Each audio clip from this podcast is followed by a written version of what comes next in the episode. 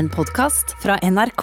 Lise Finkenhagen er en av landets fremste formidlere av matglede og kokekunst. Hun starta som lærling på legendariske Bagatell som 17-åring, og ble kåra til Årets unge kokk i Norge i 1998. Siden den gang har hun blitt et kjent ansikt gjennom radio, TV, aviser og sine mange kokebøker.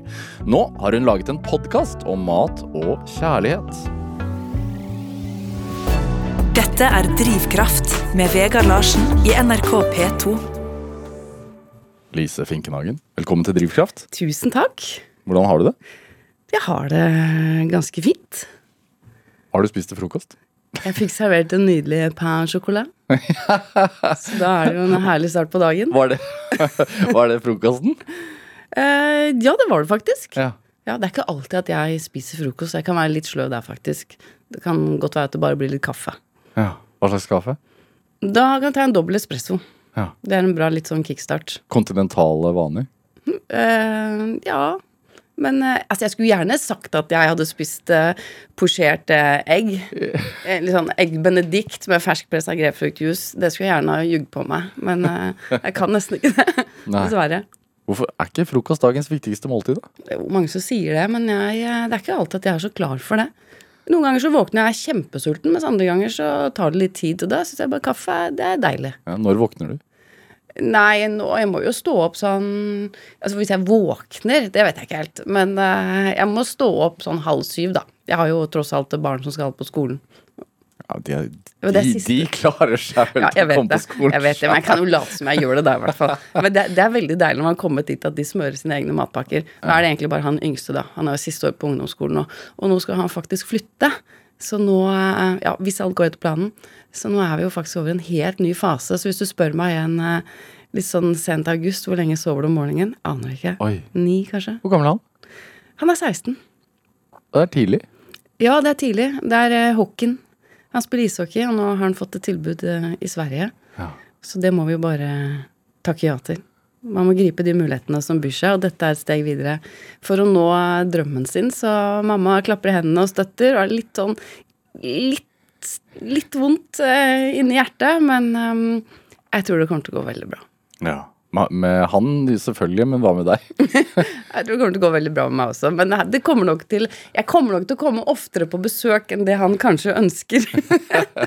Er du det no, I USA så er det noe som heter sånn eller hockeymam, eller sånn Ja. so. Er du Ja, jeg er kanskje litt hockeymam, men noen ganger så føler jeg at det er litt sånn negativt eh, lada. Så jeg vil si jeg, da er jeg den positive hockeymammen. Ja. Er Det er viktig. men du er, først, du er frilanser. Ja. Ja. Hvordan er en vanlig Dag? arbeidsdag? Ja. Nei, det finnes jo ingen vanlig arbeidsdag når du er frilanser. Men det er det som er så deilig, jo, at det er så levende. Det er eh, stor variasjon. Hvis jeg skulle hatt en jobb hvor jeg skulle eh, dratt på jobben klokka åtte, og så ferdig klokka fire, og sittet i kø og gjort de vanlige tingene, så tror jeg jeg hadde visna innvendig. Hvorfor det? Eh, Vi hadde ikke klart det. Vi er ikke, det er ikke sånn, det er ikke ment for meg. Også folk som har vært på samme arbeidsplass i 20 år. Flott, de stortrives sikkert, men da å dra til det samme lokalet, møte de samme menneskene, gjøre de samme arbeidsoppgavene hver dag Altså, det, det Nei.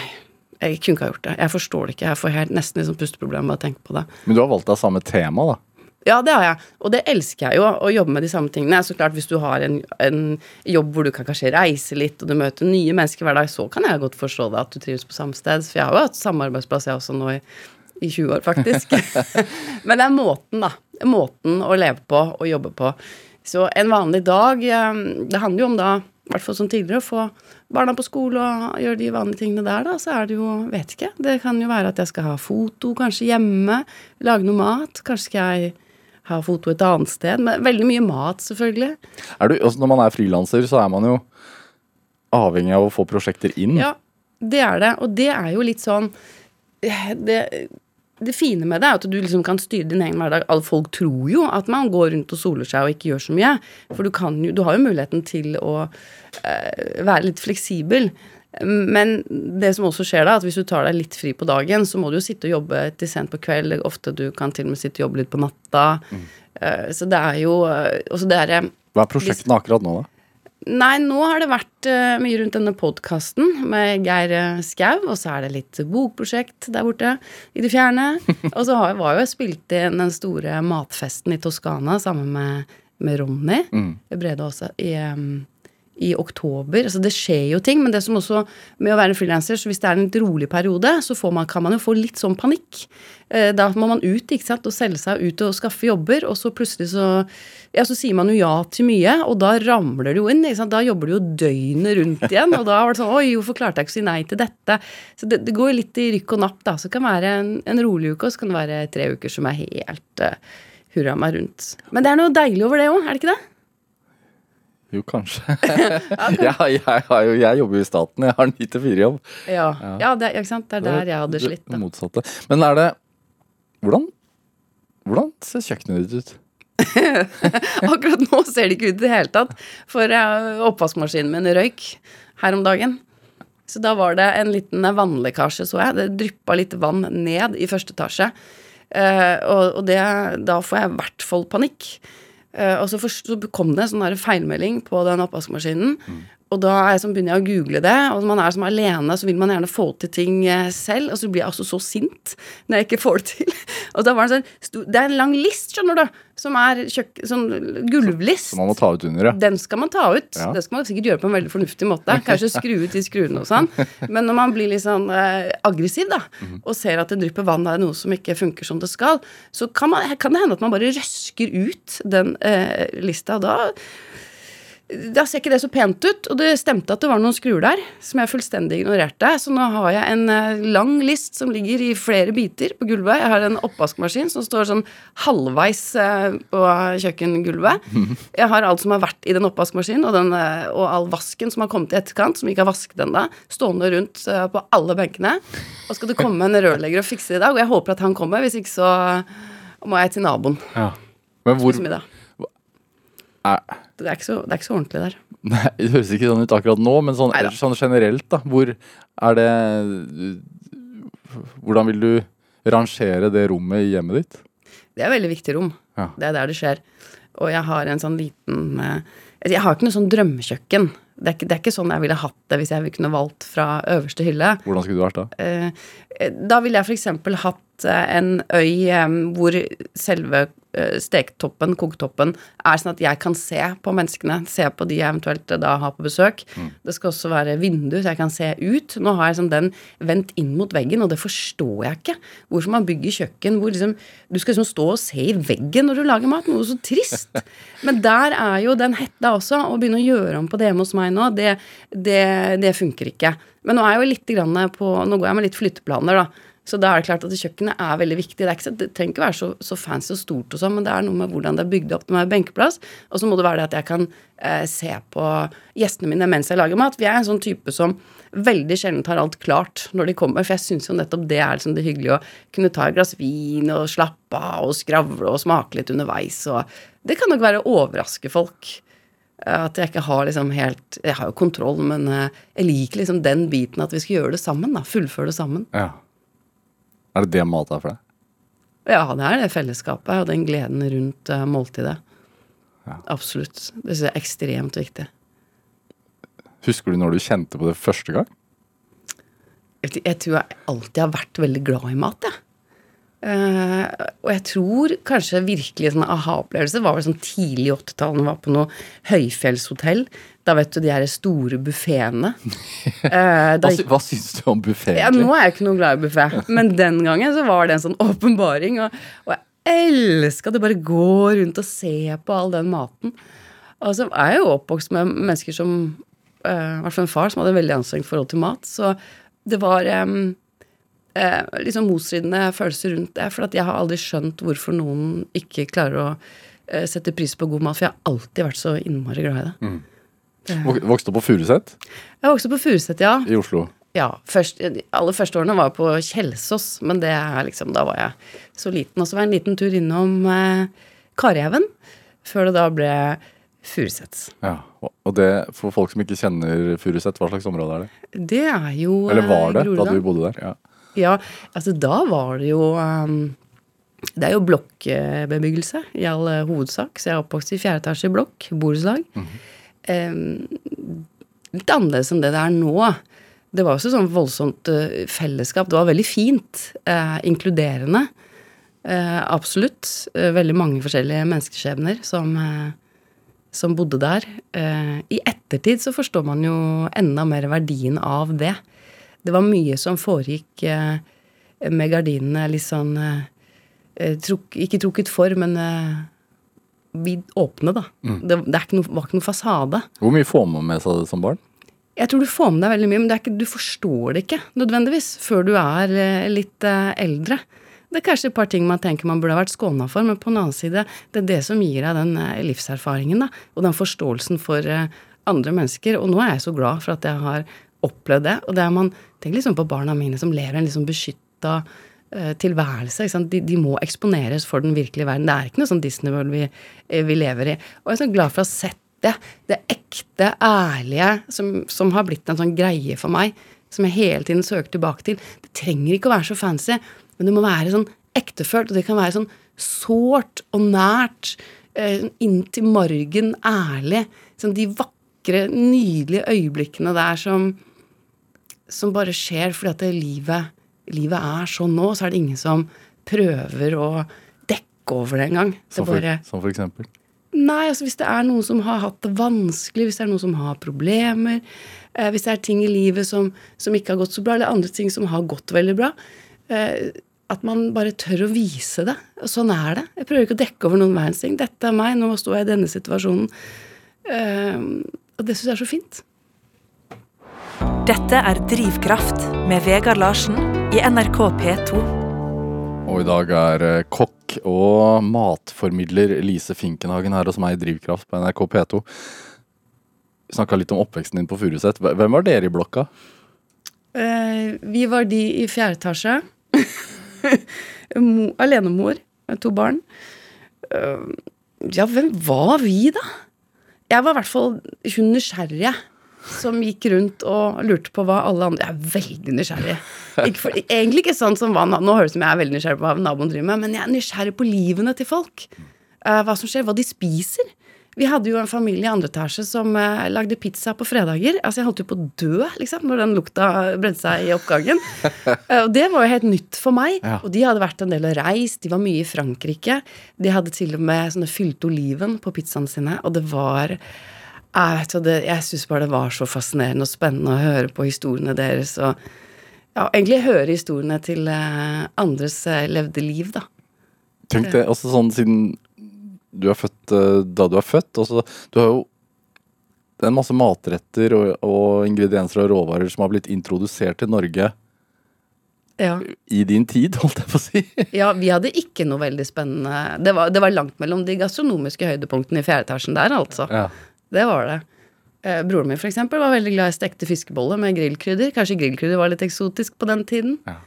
Men um, ja, nei, det har jo kommet veldig mye etter hvert. Sånn hvitløk, for eksempel. Da. Det var jo uh, helt nytt, da. Så var kanskje det altså, De hadde da både hvitløk og oliven på, på pizzaen sin. Og det er klart at det da settes det jo i gang uh, mye rart oppi hodet mitt. Ja. Den derre æsj, det lukter hvitløk, den har forsvunnet. Ja, den har jeg aldri eh, tenkt på, egentlig. Ja, den har vi fullstendig ignorert. Lukter ikke hvitløk lenger, eller er det at alle lukter hvitløk? Ja, det er det. Det, er det, at alle gjør det. det vet jeg ikke. Nei. Hva tror du? Ja, det er kanskje mer det. Men vi venner oss jo til det. Mm. Det er en vanesak. I starten så var det jo kanskje veldig, veldig nytt og annerledes. Og ja. Jeg syns det var så spennende, fordi det, kom, det var noen pakistanske familier. Det var uh, tyrkiske familier også. Etter hvert så kom det jo flere og flere utenlandske familier, og det også var jo helt, synes jeg var helt nydelig, altså. Få spise ekte pakistansk mat hjemme hos noen. Var du ublyg? Jeg tror aldri at jeg har vært sånn eh, spesielt sjenert. Jeg er ganske utadvendt av meg. jeg melder meg på hvis jeg kan. Ja. Eh, ikke sånn eh, uhøflig, altså. Men, men, det er vel kanskje den nysgjerrigheten, da. Mm. Hva gjorde moren din, da? Hva hun drev med? Ja.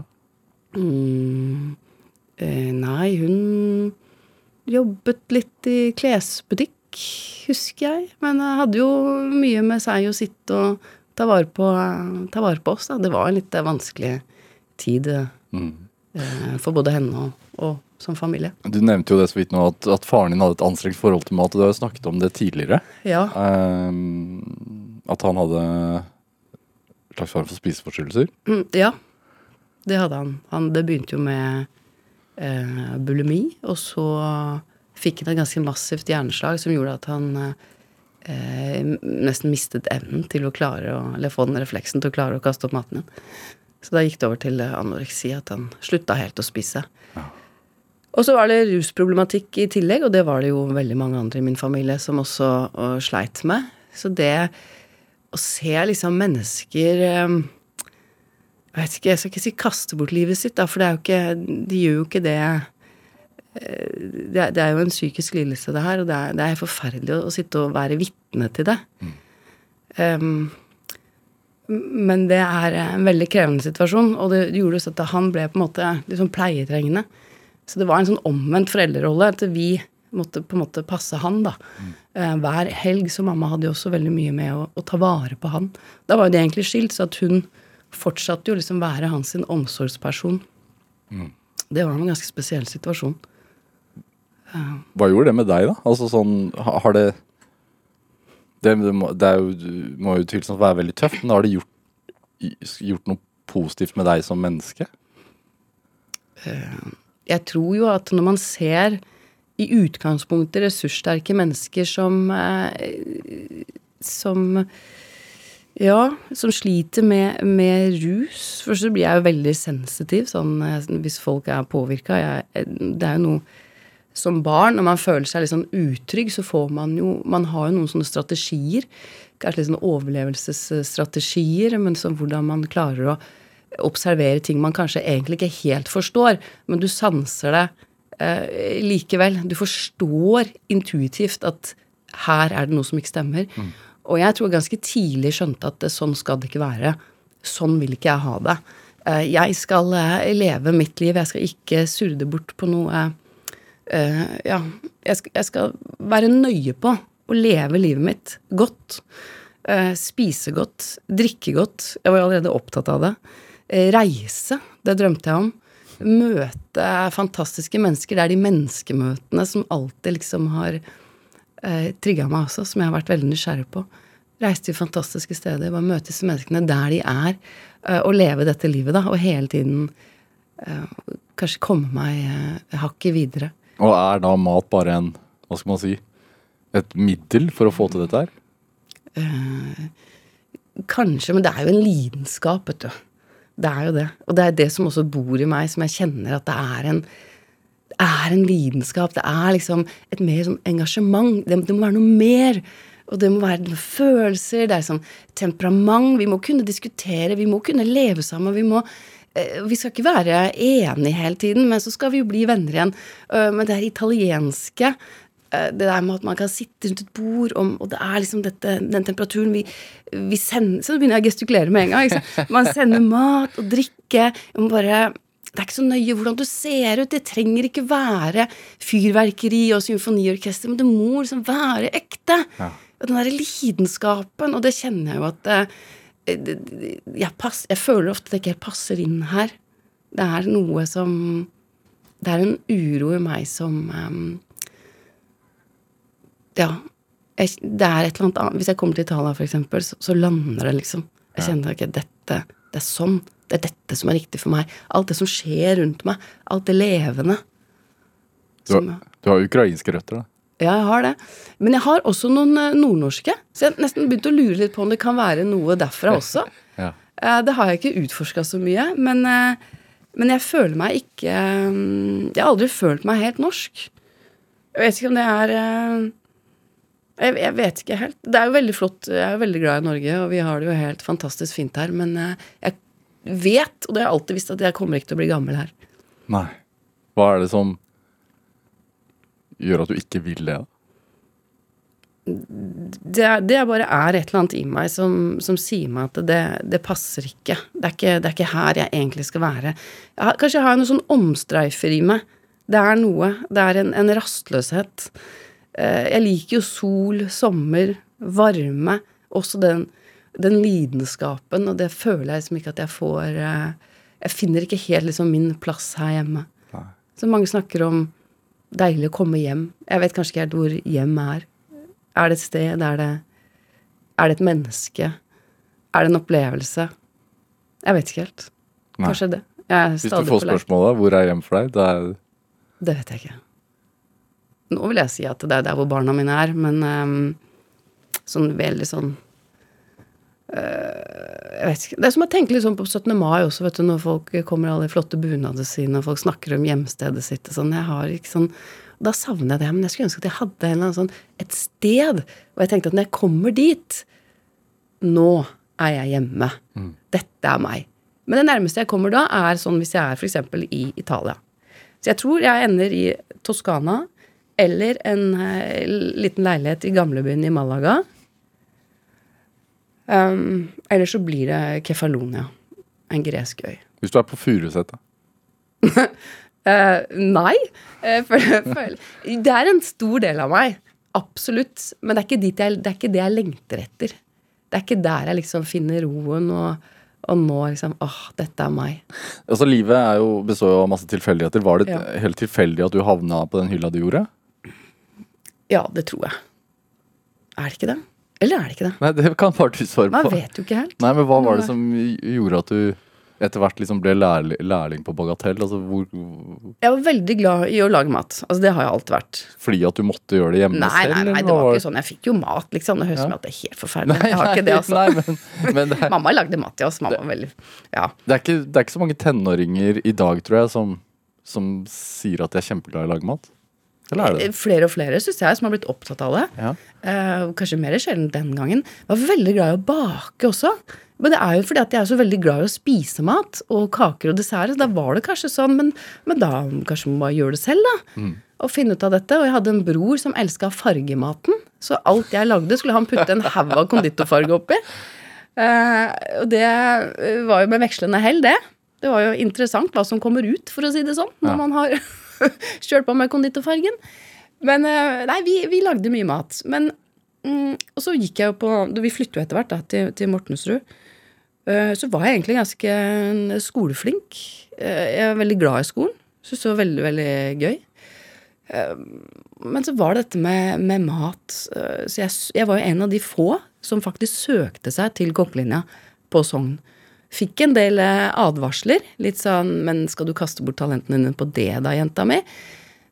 Av hvem? Nei, det var litt lærere og litt rådgivere og sånn. På den annen side skulle jeg kanskje ønske at de hadde rådgiva meg litt mer, fordi man forstår ikke helt konsekvensen av sånne valg man gjør når man er 15 år. Og det var jo også før den der Reform 94 Ja. rett føre, så man hadde jo liksom ingenting å falle tilbake på. Da jeg fant ut da jeg var 22 at kanskje jeg egentlig skulle bli sykepleier, så skjønte jeg at den veien der var jo fryktelig, fryktelig lang. Men har det gått bra som kokk, da. Men da gikk jeg ett år på kokkeskolen. Mm, kanskje også en av svært få som faktisk ønska å bli kokk. Eh, og søkte meg over på baker og konditor som jeg skulle gå andre året. Men så sendte jeg ut noen søknader også, som lærling. eh, Litt seint ute, selvfølgelig. Eneste stedet jeg kom inn eh, til intervju, det var på Bagatell. Ja. Landets aller beste restaurant på den Ja, tiden. men jeg visste ikke det da. det, det, jeg, ah, jeg visste ikke hvem Eivind Hellstrøm var. Nei. Og mange sa 'å, han er gæren', og «Å, det var Gourmetmat, hva visste du om det? Nei, egentlig ikke. Jeg hadde ikke definert det i det hele tatt. Jeg, jeg ville bare lage mat. Og være i et sånt levende miljø. Og eh, kom inn der, og hadde, jeg tror jeg gjorde sånn sikkert det verste intervjuet noensinne.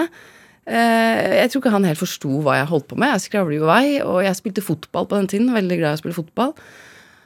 Og ja, og i hvert fall så ble jeg, som, jeg ble invitert inn og skulle prøve jobb, og jeg tenkte ja, så fint. Så det, og så fikk jeg lærlingplass, men jeg visste ikke hva Guide Michelin var. To stjerner sa meg absolutt ingenting. Eivind Hellstrøm, aldri hørt om. Eh, men kanskje det var det, da. Kanskje han likte det? Ja, kanskje han likte det. Og så var jeg, jeg synes sånn eh, var jo bare glad, liksom. Og ville lære å jobbe 10-15 timer dagen. Ja, ja, det er vel sånn det skal være, da. Ja. Men jeg syntes det var supert, og jeg syntes det var så spennende. Og han var jo, ble jo helt gud for meg. Og jeg hadde jo ikke hatt noen eh, tydelige eller trygge mannspersoner i livet mitt.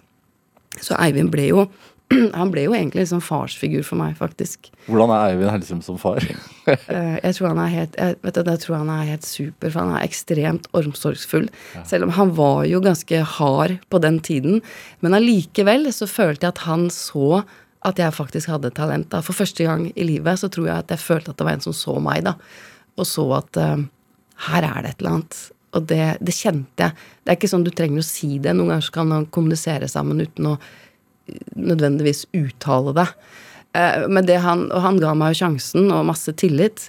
Og det han også gjorde, han tok meg med på reise. Så jeg eh, var under eh, Hellstrøms vinger, og det er et veldig trygt og fint sted å være. Ja. Så han tok meg med ut i Europa. Han tok meg med på eh, rest, ja, stjernerestauranter, flotte hoteller, luksushoteller, steder jeg aldri, som, aldri hadde hørt om, aldri hadde vært, aldri hadde kommet meg hvis ikke hadde vært for kommet meg dit hvis det ikke hadde vært for at jeg kom inn på Bagatell. Jeg hadde ikke visst at de eksisterte engang, og jeg elska det. Så han bare introduserte meg for eh, en verden som Ja, som da skulle være en del av livet mitt, da. Eller bli en viktig del av livet mitt. Så vi har gjort altså Vi har eh, vært på vinsmaking hos eh, Romane Conti, altså, som er de beste vinprodusenten. Og da, den gangen, da husker jeg, da var jeg altså så fyllesyk. Jeg forsto ikke engang hva jeg eh, Og det er så flaut. Jeg vet det er sånn folk som hadde uh, banka meg opp omtrent, hadde visst om det. og du står der, vet du, og han står der og, så, og får, tar ut noen eh, edle dråper her med en sånn stor pimpett, og du skal smake, og det eneste jeg hadde lyst på, var jo egentlig en cola. Eh, men da blir man jo introdusert for en verden som du må, du må venne deg til det. Ja. Hvor, hvor ukjent var den verden for deg? Nei, den var helt ukjent. Altså, det, det, det, jeg ante ingenting. Uh, så det var jo en, en vei å gå. Men det er det som var så fantastisk. Eivind liksom tok meg med, da. Han tok meg på en, uh, han tok meg med på en reise. Ja. Og viste meg, liksom. Skjønte, Sånn er det. skjønte du allerede den gang at dette her må, dette må flere få vite om, på en måte? Ja, men det var jo det som var eh, Det er det, det, det som liksom ble hele mitt kjærlighetsforhold til, eh, til mat. Altså det ble styrka, da. Det var da jeg som skjønte at jo, men det er jo det. Og nå kan vi gå tilbake til hva er hjem. Kanskje det er nettopp det som er eh, Kanskje det som er hjem. Hva da? Den følelsen av å, å reise, oppleve, spise. Det er den følelsen. Det er, det er det som er så deilig. Det er det som er så ekte og nært og lidenskapelig. Når du liksom, du drar til et sted som presenterer for deg en helt fantastisk råvare. En skinke som er produsert der ute. Det er den grisen. Den har levd det livet. Og så spiser du det for første gang i de rette omgivelsene. Du møter menneskene bak eh, produktet. Du hører deres livshistorie. Det er sånn altså Jeg begynner nesten å grine når jeg snakker om det. Det, det, det, var, det, er så Det er så viktig for meg. Det er så, er så godt. Spise chili crab i Singapore.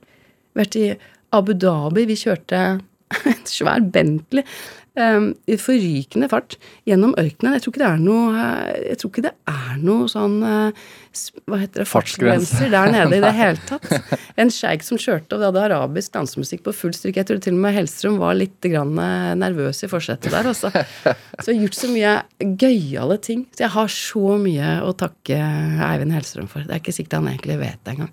Men det er det. Så han, han, han var en farsfigur for meg som introduserte meg for en verden som, som jeg absolutt eh, elsker å være i. Ja, nå, nå er det iallfall sagt, Lise Finkenhagen. Ja. En annen ting som Kanskje den også er en annen farsfigur. Elvis Presley.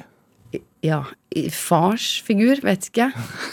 Kunne vært min bestefar. Ja, Åh, som får deg til å grine, i hvert fall. Jeg elsker den mannen. Ja, Vi skal spille I, If I Can Dream. Hvorfor dette her? Hva, hva, Fortell om dette kjærlighetsforholdet. If I can dream Det handler kanskje Jeg er en drømmer, da. Jeg er en sånn følelsesstyrte drømmer. Det høres ut som en skikkelig god kombo. Men eh, nei, det er mye i eh, både han og, og teksten, og det å drømme seg bort. Det er mest av at det sa Elvis. En helt vidunderlig stemme. Og den vakreste mannen eh, noensinne. Og jeg har vært fan siden jeg var eh, ja, Så lenge jeg kan huske. Skal vi høre? Ja.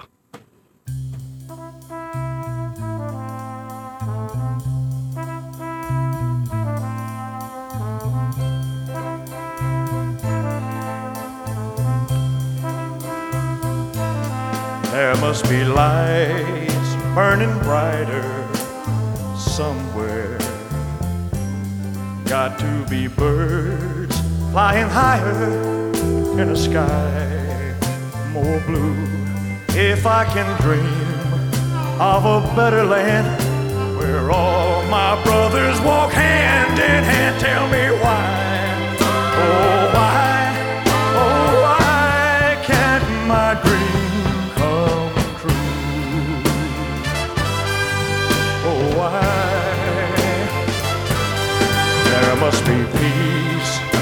understanding sometime.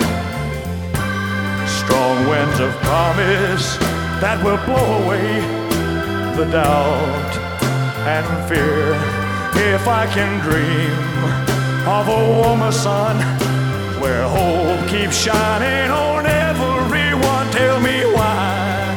Oh, why? Oh, why won't that sun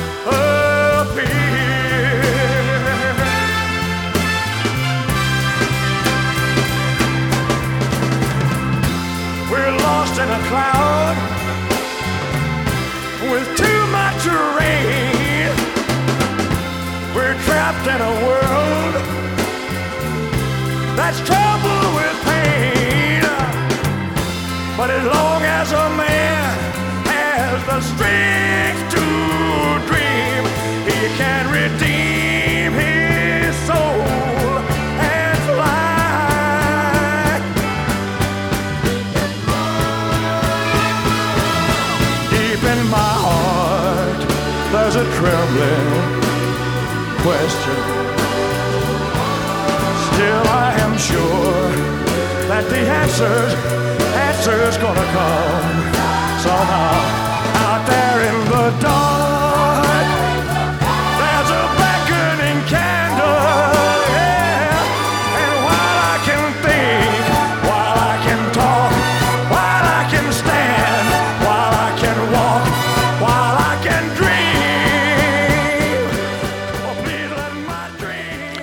Ja, du fikk If I Can Dream av Elvis Presley her i Drivkraft på NRK P2. Valgt av dagens gjest her i Drivkraft, nemlig kokk og matformidler Lise Finkenhagen. Altså veien fra bagatell til å bli liksom kokke-Lise. Kort oppsummert, hvordan, hva, hva, hva, hva var grunnen? Hvorfor ble du ikke på et restaurantkjøkken? Ja, det er vel også tilfeldigheter. Nei, da Jeg har jo vært, jobbet veldig mange forskjellige steder og vært med å starte også opp uh, nye restauranter. Eh, men så fikk jeg barn. Og, da, og det er jo ikke så lett å kombinere en sånn type uh, Man jobber jo døgnet rundt. Mm. I 90-tallet så jobba jeg jo døgnet rundt, og 90-tallet gikk meg litt hus forbi. Det som ikke skjedde ute på byen, det har jeg ikke fått med meg. Så, så det er ikke så lett å, å kombinere. Men den gleden og maten, da, alt det som jeg har fått oppleve, det å kunne eh, formidle det til andre mennesker, at andre mennesker også skal ta del i den samme gleden, det er jo det som, eh, som gir meg så mye at jeg kan eh, skrive en oppskrift, og så er det noen som har laget den oppskriften og hatt en veldig god opplevelse. At du har muligheten altså, til å nå så mange mennesker. Eh, flere enn det du har omtrent hvis du, hvis du driver en restaurant Ja. du, du når de der hvor de er, da. De må ikke komme eh, til deg. Det virker som om matinteressen i, i landet øh, er liksom høyere enn det noen gang har vært. Altså, Ja. uh, det er masse matprogrammer. Uh, du har vært dommer sjøl i både Masterchef og, og Toppsjef. Mm. Uh, matkonkurranser hvor vanlige folk konkurrerer om å bli best. Ja. Eh, likevel så, så, så, leser man jo sånn Senest i går så var det en artikkel om at det er null folk i bransjen. Altså nok folk da til å Ja. stå på kjøkkenet. Vurderer å hente inn 15-åringer rett fra skolen. ja. Hvorfor er det ikke Er det, er det av det? At det er så mange timer å jobbe, og at det er hele dagen og Ja, nå har det vært spesielt. Nå ble det veldig hardt ramma under pandemien. Ja. Og mista veldig mange. Også da potensielle lærlinger. Og folk som da velger eh, andre veier. Det ble også oppmuntra til å kanskje velge en annen vei. Og det er jo veldig trist. Men så er det det, altså det å jobbe i restaurant er, eh, er noe helt annet enn å ha mat som hobby. Det, det er veldig krevende yrke. Du jobber ofte når folk har eh, fri. Du jobber ofte sånn ubekvemme arbeidstider. Og det er jo kanskje ikke den bransjen du eh, tjener heller best i, da. Så da blir jo mange lokket ut til det andre yrkesveier. Men det er den lidenskapen. Den vil alltid bringe deg tilbake til kjøkkenet. Og det som er så nydelig når du er på et kjøkken, det er liksom den felles kjærligheten for maten. Altså eh, klasseskiller altså vi skal snakke om det, altså Alt dette blir på en måte bare viska ut. Det spiller ingen rolle hvem du er, eller hvor du kommer fra, hvordan du ser ut, hva slags eh, karakter du hadde på ungdomsskolen. Det er ingen som bryr seg om det. Vi skal skape noe sammen. Vi, skal, vi, skal, vi skal lage en rett som vi skal glede andre mennesker med.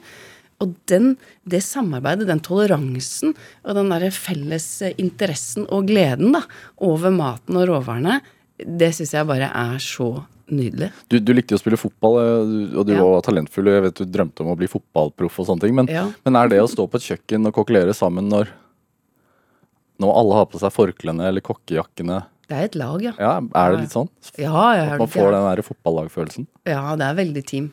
Og jeg digger jo det. eh, å, å være team. Og når man står der eh, under service, og det virkelig liksom koker, så Du har jo ikke Det er jo ikke noe tid for de gode samtalene. Det er jo ganske sånn kort og øh, Ja, det høres nesten sånn militærsk ut til tider, ikke sant. Det er jo kommandoer. Og man svarer veldig kort og konsist, fordi man har ikke tid til noe annet. Det går kjempefort. Men da skal du også levere én tallerken. Da er det kanskje én som skal lage grønnsakene, eller forberede grønnsakene. En som står med sausen. En som har stekt fisken eller kjøttet. Eh, og alt dette skal jo times, så skal du levere det sammen på en tallerken, som da skal ut til gjesten. Det er klart at dette er samarbeid, og svikter det ett ledd, så, så, topp, så bare stopper det seg helt. Men det viktigste faktisk, det er at det funker i oppvaska. Det, det er, det er, vi er nede på det planet, så alltid Det jeg tenker er sånn Alltid vær grei mot de i oppvaska. For det må funke i absolutt alle ledd. Og alle er like viktige. Du er aldri bedre enn ditt svakeste ledd, så du skal alltid eh, hjelpe hverandre til å bli eh, den beste utgaven av seg selv, og til å levere Må det du beste. være, må du være hardhuda? Ja, det må du noen ganger, men du må også ha en forståelse for at eh, dette er ikke vondt ment. Eh, fordi nå kan, ikke, nå kan ikke jeg sitte og forklare for deg at uh, det var veldig synd at den uh, toasten der ble litt svidd i kantene, gutten min. Men hvis du gjør det, så det har jeg ikke tid til. Det er sånn, lag en ny. Ja. Nå. Ja. Eh, og så kan vi heller snakke om det senere. Når vi skal slappe av etterpå og ta en liten debrief på hvordan har dagen vært. Men er du hardhuda? Eh, både òg. jeg, veldig, jeg kan være sånn veldig tøff i fem minutter, og så være helt uh, sammenbrudd etterpå. Men eh, jo, jeg er nok det òg, men eh, det er også fryktelig mye følelser og veldig soft på innsiden. Er det Jeg har hatt Eivind Hellstrøm her eh, tidligere, som, som vi har snakket litt om, og han, Ja. han virker også som han er ganske soft på innsiden. Er det en Ja, fordel når man skal lage, lage mat til andre mennesker? At man er, er litt Ja, men hvis du ikke har den lidenskapen eller den, det ønsket om å glede noen altså Du må jo ha det. Du kan jo ikke være helt følelseskald. For det er så mye følelser. Mat er følelser. Og nå når det blir mye sånn teknisk matlaging, da detter jeg egentlig litt av. Fordi jeg er litt sånn Du må føle maten. Du må føle fisken i pannen. Du må tenke hva er det den føler nå? Det er litt sånn som Dirty Dancing. ikke sant? Sånn her, dudung, dudung. Det er sånn Du må føle det, og det er da du liksom leverer ditt beste, da. Når du er, går liksom inn i det. Og da må du være Du må jo ha masse følelser, hvis ikke vil du ikke klare det. Da kan du, da kan du stå på et industrikjøkken eller gjøre noe som er litt sånn eh, ja, ja, som er litt sånn følelsesløst, på en måte. Jeg skal ikke si at alle de er det heller, men, eh, men eh, absolutt. Jeg tror du må være varm, og du må være lidenskapelig, og du må ha følelser for det du holder på med. Og omsorg. Og du har, jo et, har jo et genuint ønske om å glede noen. Det er det som er hele gleden. Det er meningsløst for meg hvis jeg skal stå her i timevis og lage en rett som du ikke setter pris på. For det første så blir jeg jo kjempelei meg. Jeg blir jo sønderknust. Men hvis jeg ser at det gir deg en opplevelse, så er det sånn Det er jo verdt alt. Det er jo Altså, du har vært dommer, da, noen ganger. Matdommer. Ja. Da må du jo Være streng. være streng ja, og knuse drømmen til noen. Ja, det er helt forferdelig, altså, de gangene man må det. Men man kan være streng på forskjellige måter. Man trenger jo ikke være ufin. Nei. Men det er klart, noen ganger så hvis, Eller hvis det er noen som har ødelagt en råvare, eller gjort en feil, eller bare ikke vist respekt for eh, en råvare, da tar jo jeg det litt sånn personlig. Da er jeg på lag med råvaren. Og da har du, det er nesten sånn Nå har du toucha unga mine. Da, det gjør du ikke. ikke sant? Det blir litt sånn, og da, da er det jo egentlig greit. Men hvis det er noen som har levert helt likt, og du skal bare måtte velge én og én, du vet at en annen kommer til å bli veldig lei seg, det er er, det er hjerteskjærende. Men er det sant, sånn som på Masterchef, som du har vært omme på, er det, er det sant at dere smaker altså all maten dere må smake på og bedømme, er kald? Ja, på en måte så er det det. Det er jo litt trist å innrømme, men det også er jo en treningssak. Men det vi gjør, Altså, det er jo, det er jo klipt litt, ikke sant. Det, det er jo ikke live. Eh, Så med en gang de har levert, sånn som man ikke ser, som er off-cam, så går vi og smaker. Mens det er varmt. For det er ting som vil forandre konsistens. Kald pasta, for eksempel. Ja, det er jo, det er jo kjedelig. Eller kald smørsaus er jo liksom det verste, sant. Du kan tenke deg en sånn Kald blåskall? ja. Ja, men altså, spesielt liksom hvis fett og sånt har, har størkna, og ting har liksom mista luftigheten sin, mista konsistensen. For det første så forstår man det, fordi man har en forståelse for hvordan maten oppfører seg. Man vil fortsatt kunne dømme de veldig likt, og husk det er likt for alle. Men da har man i hvert fall muligheten til å, å skynde seg å ta en liten runde og smake på de kritiske tingene, de kritiske elementene, sånn at man vet at eh, Jeg vet hvordan det var. Jeg ser at nå har den skilt seg fordi den har stått, men jeg vet hvordan den var da den var liksom perfekt. Da du egentlig serverte den. Jeg vet hvordan et varmt Altså et egg som er varmt med flytende plomme smaker. Ja, man vet det. Og det, man må jo lære seg det også. Ja. Men er det Hva får du igjen for det, egentlig, å være kokkelise? Altså at du er At du er, er så mye på TV og radio og i aviser? Altså, hva gir det deg? Eh, det er jo den Altså, man har faktisk eh, en mulighet til å, å glede andre. Eh, det er den største gleden. Altså Når folk lykkes med en oppskrift jeg har laget, det, det syns jeg er helt fantastisk. At jeg skulle få den muligheten her i livet, eh, det er jeg så takknemlig for. Det syns jeg er så fint. Og det handler ikke om at jeg skal vise hva jeg kan. Det handler jo bare om det også å videreformidle noe som kan være til andres eh, glede og interesse. Får du tilbakemeldinger, da? Ja, jeg får masse tilbakemeldinger. Vi gjør det. Det er jo superhyggelig. Ja. Men jeg har aldri hatt noe ønske om å komme på TV eller radio. Jeg ser jo ikke på meg selv, orker ikke høre på meg selv. Jeg, har, jeg, jeg forstår egentlig ikke hvordan det har gått til. Eh, men det har liksom blitt sånn. På veien. Det har aldri vært en drøm for meg. Det har jeg som aldri tenkt at eh, når jeg blir stor Det var ikke det som var drivkraften, liksom? Nei, nei, nei, nei, nei. Nei, nei. Det nei.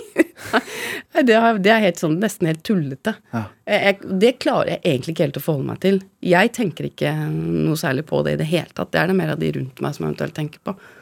Jeg tenker ikke at jeg er noen kjent i det hele tatt. Nei. Men er det sånn i kassa på Superen at Det overrasker meg noen ganger, ja. Det er litt sånn Det som er litt rart, er at folk driver og ser hva, hva jeg handler. De titter opp i, titter opp i handlekurven min og sånn, og Ja. det syns jeg faktisk er litt så stress. Eller nå er det sånn, ja, det er ikke så farlig lenger, men så sønnen min som er så glad i sånn Toro tomatsuppe, ikke sant, så jeg vet jeg kan ikke kjøpe det, gutten min, det må du nesten bare gjøre sjøl, altså. sånne ting. Og, og folk kan også være litt så kritiske. Og da det er som man, De føler kanskje at de kan være litt mer eh, ærlige uh, til folk som har vært litt uh, i mediene, fordi de tror også at de bare tåler det automatisk. De er kjempeharde huda, så du kan bare si akkurat hva du mener. Om du så syns at de klærne er stygge eller du er litt rar på håret. Det er som akkurat Noen bare føler at det er helt fritt frem, og det syns jeg også er veldig rart. Men du har jo oppsøkt, eller oppsøkt, eller oppsøkt, du har jo takket ja til en del sånne reality-program de siste årene, som, som ikke bare handler om å lage mat. Nei. Blant annet uh, Ja, ikke vært med. krysse Atlanteren i Ja, båt, eksempel. Ja, det Ja. Men det er jo en mulighet du ikke kan uh, takke nei til. Når du får Altså det, det er det som Når man jobber litt sånn, eller vært i media, som jeg har vært også, så får man noen sånne muligheter. Og det er jeg jo selvfølgelig også veldig takknemlig for, for det hadde jo ikke Jeg hadde jo ikke hatt den muligheten. Og når du plutselig får det, så syns jeg man skal takke ja eh, til det. Eh, og akkurat den turen der, den eh, kom på et tidspunkt i livet hvor jeg eh, virkelig bare trengte noe. Jeg har ikke egentlig For det første har jeg ikke sett på det. Eh, Jeg har ikke tenkt så mye over at det var på TV i det hele tatt. For jeg var litt sånn Ikke si desperat, men jeg jeg hadde veldig behov for påfyll. Jeg hadde behov for eh, hvile. Jeg hadde behov for nye impulser og nye inntrykk. Eh, Og det var, altså igjen, det var helt tilfeldig. Det var en som hadde trukket seg. Jeg Spurte kunne du tenke deg å bli med. Vi skal reise om tre uker. Og jeg var ganske langt nede, og jeg tenkte dette trenger jeg. Jeg trenger det, og barna mine trenger at jeg gjør det. Mm. For du fikk det tilbudet rett etter at du mistet eksmannen. Ja, det var eh, Ja, det hadde, var kanskje ti måneder etter, da. Ja. Og da hadde det vært eh, fryktelig vanskelige tider. Jeg var eh, veldig, veldig sliten. Um, det var jo korona i tillegg, så man møtte jo ikke folk. Og jeg bare kjente at nå begynner det som å røyne på. Du vet når du, du får litt sånn du kjenner inne litt sånn småpanikk at eh, nå, nå vet jeg ikke helt. Nå vet jeg ikke helt hvor jeg skal hente mer fra, for at det nå, nå er liksom Nå er det litt tomt i skuffen min, rett og slett. Er det en, en apati, eller Ja, jeg vet mm. Ja, man kanskje er i ferd med å bli litt uh, apatisk, på en måte. Ja. Uh, bare, det var liksom ikke så mye mer, og da, da er det mer den derre Hvor skal jeg hente det fra nå? Eh, for nå har jeg brukt uh, alt jeg kan. Uh, og man har bare behov for en timeout. Har, jeg hadde bare så behov for en pause. Vet, det hadde jo vært uh, forferdelig vanskelig. Og det var ikke mulig å komme ut. Du kunne ikke gå ut og, og finne Det er ikke bare sånn 'finn på noe gøy'. Gjør det du har lyst til når du er i en sorgprosess. Gå ut, oppsøke glede. Kunne ikke det. Du ble jo så sittende med det. Eh, du kunne ikke ha besøk. Kunne ikke dra på besøk. Du kunne ikke gå ut og spise. Jeg kunne ikke gjøre noen ting av de tingene som jeg egentlig elsker. da. Eh, og da eh, Jeg tror kanskje jeg hadde kunnet ha blitt helt sprø. Det, begynte å gå, liksom, det, det skjer jo mye i hodet mitt til tider. Jeg har mye, mange tanker i hodet mitt. Jeg har, noen ganger så har jeg ulike omtrent spillefilmer som foregår parallelt oppi hodet mitt også. Ser jo scenarioer, og det er, det er kanskje sånne kreative mennesker. Da er det mye som foregår, og så blir nesten det blir litt skremmende også. Eh, Men da hadde jeg veldig behov for å, å få litt hvile, eller få Fylle på med nye impulser og en ny energi. Og på en båt hvor man ikke har noe kontroll, men hele tiden må være på vakt, så er det kanskje et godt Men- sted å ikke Kanskje det var det som også var så deilig. Nå måtte jeg ha kontroll. Eh, jeg, det var så mye jeg måtte ha orden i. Og det å få lov til å slippe den kontrollen litt, for at nå skulle jeg gjøre noe jeg ikke hadde peiling på. Eh, jeg hadde aldri vært på en seilbåt tidligere. Eh, og noen tenkte at er ikke det veldig skummelt? Jeg tenkte nei, vet du hva, det er akkurat det er veldig deilig. Eh, For jeg vet ikke hva jeg går til. Jeg orker ikke å tenke på det. Eh, Nå skal jeg bare være med, og hvis noen gir meg en oppgave, så skal jeg utføre den oppgaven eh, så godt jeg kan. Men det er på en måte eh, det jeg skal gjøre. Og det å kunne legge fra seg den eh, telefonen og bare få lov til å være, eh, det var akkurat det jeg trengte. Å seile Jeg har jo ikke hatt noe særlig forhold til vann. Jeg vet at jeg er glad i strand og sol og, og den biten, men jeg har aldri vært med ut på havet. Ikke så veldig god til å svømme. Jeg har vært litt sånn skeptisk til det, fordi det ikke har vært en naturlig del av livet mitt. Men det viste seg at det, det var bare Nei, det var helt eventyrlig. Og den følelsen av å være ute på havet, ikke se noen verdens ting Altså, det er jo ikke en fisk, altså, det er jo ikke en fugl, det er ingenting. Midt utpå var det noen flyvefisk da, som kom opp på båten. Eh, Det var det eneste besøket vi fikk. Akkurat når vi var sånn midt utpå der. Noen ville tenke at det, er ikke det veldig skremmende, men for meg akkurat der og da, så var det bare helt nydelig. Var det da når du kom hjem? Ja. Da hadde jeg liksom klikka litt på plass igjen. Også fordi at jeg hadde liksom fått tilbake litt eh, balansen eh, i livet mitt. Jeg også visste at det nå fins det håp. Barna mine hadde klart seg veldig fint uten mammaen sin i tre uker. Jeg hadde opplevd et eh, parallellunivers som jeg aldri hadde sett før. Altså med en stjernehimmel som er helt ubeskrivelig. Det er som å være inne i en kuppel midt utpå, spesielt seile om natta. Det er som å være et romskip. Og så er det stjerner rundt. Uansett hvor du snur og vender på deg, så er det stjerner som bare stuper ned i havet. Men da er det mørkt, så du, du vet Du har nesten ikke noe begrep om hvor himmelen begynner eller slutter, eller sjøen begynner. Altså det, alt bare går i ett. Det er bare stjerner. Det er stjerneskudd. Jeg har kanskje sett tre stjerneskudd tidligere i livet. Her var det stjerneskudd hele tiden. Ja. Eneste annet liv var en og annen eh, Hva heter det, en satellitt. Den var grønn, så det så vi liksom skilte seg ut. Eh, Det var morild, som jeg ikke har sett før. Det var, så den båten da, natta, blir lyst opp av liksom det her gnistrende turkise sølv. Ja. Det, er, så det er så vakkert. Og så kom det jo eh, delfiner. Og pga. vibrasjonene i vannet så ble de også opplyst av Moris. De så ut som sånne torpedoer som kom mot båten. Og når det hopper, det er nesten så du ser de smiler til deg, ikke sant? og de lager litt sånne, der, mm, sånne gnukkelyder. Nei, det var eh, det, det, var, nei, det var så fint at jeg kunne, jeg kunne ha vært der i tre uker til. Altså. Ja. Det, var nesten, det var noe sånn vemodig når vi nærma oss eh, landet, egentlig. For jeg skulle gjerne bare vært der ute litt til. Så jeg har veldig lyst til å, å seile mer. Ja, og glemmer seg selv litt. Ja, det var, det, og det å legge fra seg denne telefonen som man eh, Jeg vet ikke hva vi holdt på med før vi hadde telefon. Jeg tror vi kanskje levde et litt friere liv. Eh, Men det ikke ha noe form for kommunikasjon. Det var ikke noe, det var ikke noe TV, ikke, ikke noe internett, ingen verdens ting. Du må Du er bare til stede. Og du er der sammen med noen mennesker som i utgangspunktet egentlig ikke kjente. Jeg hadde ikke noe relasjon til de tidligere. Men man blir jo så knytt sammen fordi man har jo noen samtaler som du kanskje ikke rekker å ha med dine nærmeste venner i løpet av et helt liv. Som du litt sånn unaturlig kort, så Eller etter et unaturlig kort vennskap, så, så åpner man seg helt, og man blir veldig nær. Det er jo de færreste som kan oppleve dette her, da. Og, men,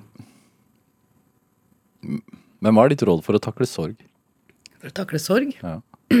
Ja, det er veldig mange måter å eh, takle sorg på. Det er nok ikke noe fasitsvar på det. Vi ser jo bare på guttene mine og meg, så er det tre forskjellige sorgreaksjoner. Eh, men mest av alt så er det viktig å, å være veldig åpne og rause med hverandre. Være dønn ærlig. Være tålmodig. Eh, hele tiden å forstå at eh, man skal gjennom en fryktelig vanskelig prosess som ikke andre nødvendigvis forstår. Du kan ikke forvente at andre skal forstå det heller. Eh, men den eh, rausheten du, må- du må vise, og endeløs kjærlighet, det er eh, Det er viktig. Og, og gi det tid. Det tar tid, og det tar eh, lengre tid enn det du tror. Hvordan er det i dag, da? I dag så Vi har det bra. Mm, vi er nå fortsatt i en prosess. Du skal finne liksom en ny hverdag, en ny normal, i det unormale.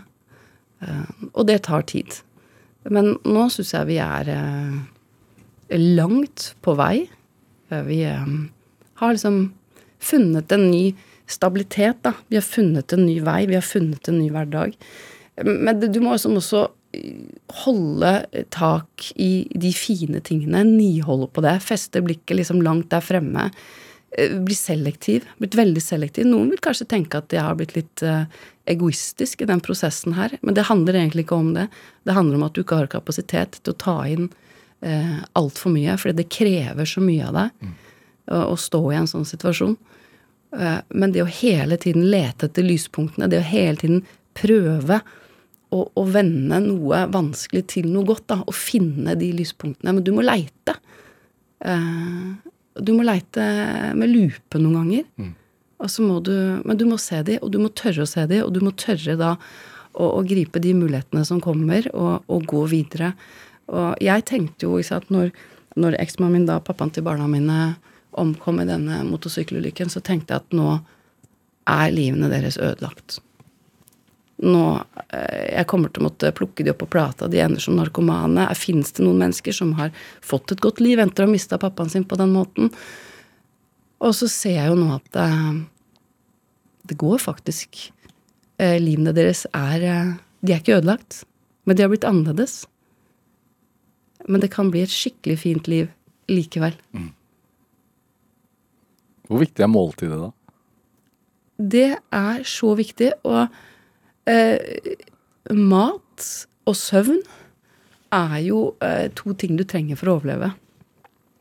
Og, og det å klare å spise altså, de, altså Når du virkelig er tidlig i denne prosessen, så, så klarer du omtrent ikke det engang. Men, men hvor viktig det er å prøve å samle seg rundt det måltidet. Prøve å eh, Kanskje ikke at man klarer å spise så mye, men hele den situasjonen, det å sette seg ned, det å se hverandre, det å snakke sammen, det å samle sånn til faste Prøve å ha eh, noen faste punkter, da, noen holdepunkter, eh, tenker jeg altså er eh, i hvert fall en, et sted også å starte med det. Og vi har også hatt noen eh, Vi har hatt noen runder i, eh, i sånn, Vi skal snakke litt sånn hva som har fungert for oss, faktisk kjøretur. Eh, Det kan jeg anbefale til folk som har behov for å snakke sammen hvor det ting kan være vanskelig. For det, det har man Det er et eller annet liksom avvæpnende ved det. Fordi du, du sitter ikke og ser hverandre inn i øynene. Eh, Du har ingen sted å gå. Eh, Så du blir litt sånn tvunget til å prate sammen uten at du trenger også For det kan være noen ganger for vanskelig Å sitte og se på sitte hverandre? og se hverandre inn i øynene når du skal snakke om noe som er veldig vanskelig. da. Men det å da kjøre og så lette litt på trykket sånn, og så kjører vi helt til liksom vi har fått løst den problematikken, eller i hvert fall det som kanskje var utfordringen akkurat til den dagen. Og da kan du bare fortsette å kjøre litt sånn, litt sånn på lykke og framme. Det var jo ikke så mye å gjøre ikke sant, uten pandemien heller, men vi kunne bare Ja, da kjører vi litt rundt, da. Og det var en veldig fin eh, måte å, å løse når ting var ordentlig vanskelig. I stedet for å låse seg inn på rommet eller slenge en dør eller være sinte på hverandre. Det skjer jo det òg, og det må være lov. For det skal være, det, sånn er det. Man må ha, respektere at man reagerer ulikt. Men det da å kunne eh, ta seg en sånn kjøretur, det ble en liten sånn terapitur. Takk for rådet. Jo, det, det, det er faktisk et ganske godt råd. Um, og Lise Finkenhagen, du kjører fin bil òg, bare så det er sagt. Det har jeg Ja, det er ikke har sett i plass Dagens da. Næringsliv. Det er ikke plass til tre. Nei, så vi måtte ta en annen. Um, kort til slutt her, hva er drivkraften din? Ja. Jeg, jeg tror det er eh, Det bunner igjen i barndommen, altså den det, i lengselen eller den jakten på det ekte og ærlige. Altså de fine, vakre menneskemøtene. De små magiske øyeblikkene når du føler at eh, nå treffer jeg en nerve i selve livet. De øyeblikkene, de, eh, de sparer jeg på. Tusen takk for at du kom hit til Drivkraft. Takk for at jeg fikk komme. Hør flere samtaler i Drivkraft på nrk.no, eller i appen NRK Radio. Send oss gjerne ris og ros og tips til mennesker du mener har drivkraft. Send en e-posten til drivkraft.krøllalfa.nrk.no. Vi hører veldig gjerne fra deg. Produsent i dag var Ellen Foss Sørensen, og Julia Martincic bidro med research til denne sendingen. Dette var Drivkraft. Jeg heter Vegard Larsen. Vi høres. En podkast fra NRK. Jeg heter Hans Olav Brenner og har alltid vært glad i å dele dikt. Og nå vil jeg dele dikt med deg. Nei, dikt faen! Det er mange i Norge som har traumatiske minner om diktanalyse. Nå skulle norsklæreren min sett meg. Hvorfor det? Fordi jeg hata dikt. Hvis du tar deg tid og finner det riktige diktet, så kan noen få ord sette i gang store tanker og følelser. Jeg er veldig, veldig glad i det diktet. Det er så fint. Det er mitt yndlingsdikt. Podkasten Brenner deler dikt hører du først i appen NRK Radio.